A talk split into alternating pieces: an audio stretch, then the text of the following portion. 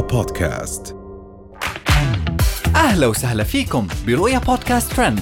كل إشي بتحتاجوا تعرفوه عن آخر أخبار النجوم والمشاهير وأهم ترند صدر لهذا الأسبوع. موجة غضب من السعوديين لمريم فارس بعد إطلالتها الجريئة. أحلام بتتصدر الترند بثروتها أرقام فلكية وصادمة.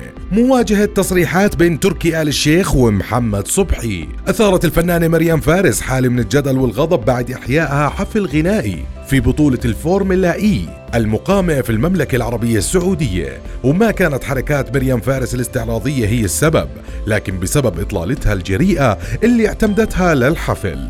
واللي اعتبرها البعض أنها لا تمت لقيم المجتمع السعودي بصلة. وتفاعل رواد السوشيال ميديا مع مقطع الفيديو المتداول من الحفل.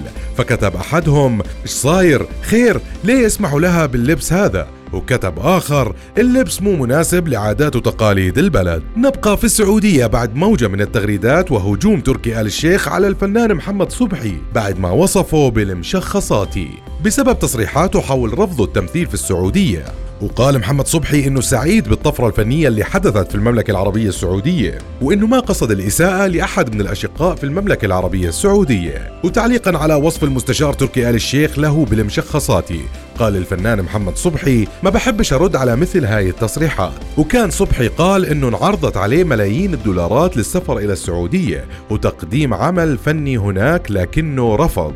ورئيس هيئة الترفيه السعودية تركي آل الشيخ رد عليه وقال في تغريدة على تويتر والله أنا أبي أعرف اللي عرض الملايين عليه نبي نكشف عن قواه العقلية. وتسبب الخلاف بحالة جدل على السوشيال ميديا وكان أبرزها رفض المغردين لأي فتنة بين الشعبين السعودي والمصري. وقال أحد المغردين بلاش تخلوا الخلاف بين تركي آل الشيخ ومحمد صبحي يبقى سبب لمهاجمة المملكة العربية السعودية وجمهورية مصر العربية. خلاف الأشخاص يبقى خلاف أشخاص. بلاش حد يستدرجكم لخلاف أكبر بلا مبرر. وأخيرا بننتقل للفنانة أحلام اللي تصدرت الترند بالحديث عن ثروتها بعد كشف مصدر أنه ثروة أحلام تقدر ب 25 مليون دولار. وإنها بتمتلك 49% من شركة طيران على الرغم من إنها تعد من الفنانات اللي بينفقوا على فنهم وبتهتم بالحملات الدعائية والإعلانية لأعمالها. ودائما ما بتظهر أحلام بملابس ذات تصاميم غريبة ومميزة وبتلفت النظر إليها بمجوهراتها الباهظة الثمن. وكان آخر ظهور للفنانة أحلام في السعودية وتحديدا في مهرجان الجوي أووردز حيث لفتت الأنظار كعادتها بفستانها ومجوهراتها الفاخرة. وهاي كانت أهم أخبارنا لليوم. بنشوفكم الحلقة الجاي. رؤيا بودكاست.